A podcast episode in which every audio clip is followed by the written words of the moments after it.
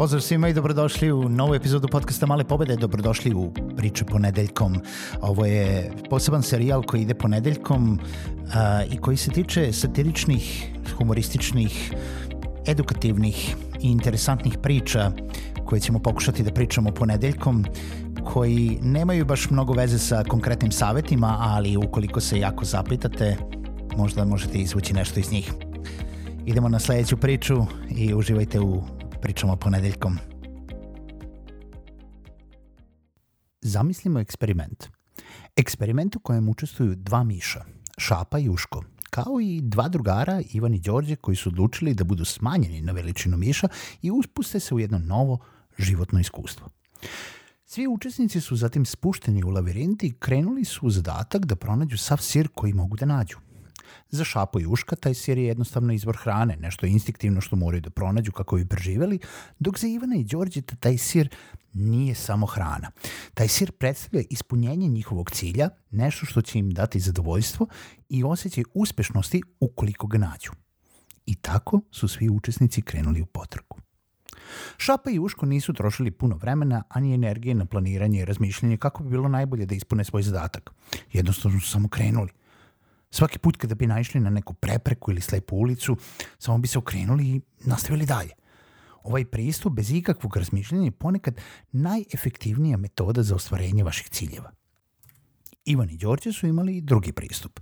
Pošto imaju mnogo kompleksniji mozak od njihovih suparnika, oni su pokušali to da urade na pametniji način – Pravili su strategije, mape, trudili su se da memorišu lavirint i sve njegove okoke i ćorsokake.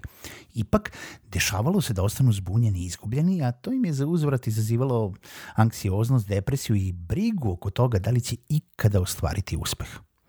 U jednom momentu, Ivan i Đorđe su našli veću količinu sira. Bio je to razlog za veliku sreću i slavlje. Svaki dan su se obavezno svraćali do mesta gde su ga našli da se počaste i ubrzo je centar svih zbivanja svakog dana bio vezan za tu lokaciju, baš za taj sir.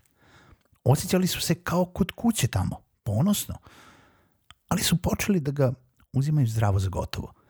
Nisu ni primetili da polako od svakodnevnog gošćenja zalihe počinju da nestaju. I Šapa i Uško su takođe pronašli svoj sir, ali nikada se nisu oslanjali samo na to što su našli uvek su dobro pazili na to koliko im je ostalo nakon što su pogrickali jedan deo i ostatak dana utrošavali na traženje novih zaliha. Ivan i Đorđe su smatrali da je sir koji su našli nagrada za sav trud koji su uložili, a potrošili su puno vremena i energije.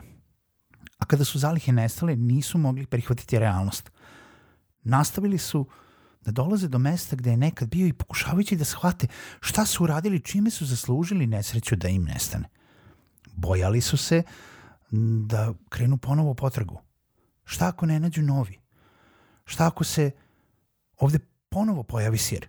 Čak su i srušili zid iza mesta gde je stajao da vide da li možda ima još. Svađali su se. Depresivni i sada već gladni odlučili su da se rasiću. Ivan je nastavio svoju potragu dok je Đorđe ostao da jadikuje za svojom nesrećom. No Ivan se nije predao. Zamislio je svoj cilj, jednu veliku količinu sira i krenuo u potragu. Tim zamišljanjem je uvećao sebi želju i volju da ga nađe. Bio je uplašen i sam, ali vremenom je stekao samopouzdanje i prevazišao svoj strah. Bio je spreman na promene, jer jedino je tako mogao preživeti dalje.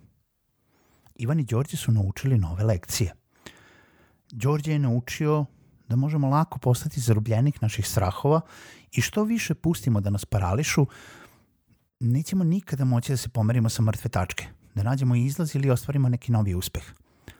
Ivan je naučio da samo izlaskom iz zone komfora možemo ostvariti nove uspehe, a da je jedini način da to u kontinuitetu radimo spremnost na promene. Ukoliko vam se svidela ova priča, pročitajte knjigu Ko je ukrao moj sir od doktora Spencera Johnsona. Verujem da će vam se i ona svideti.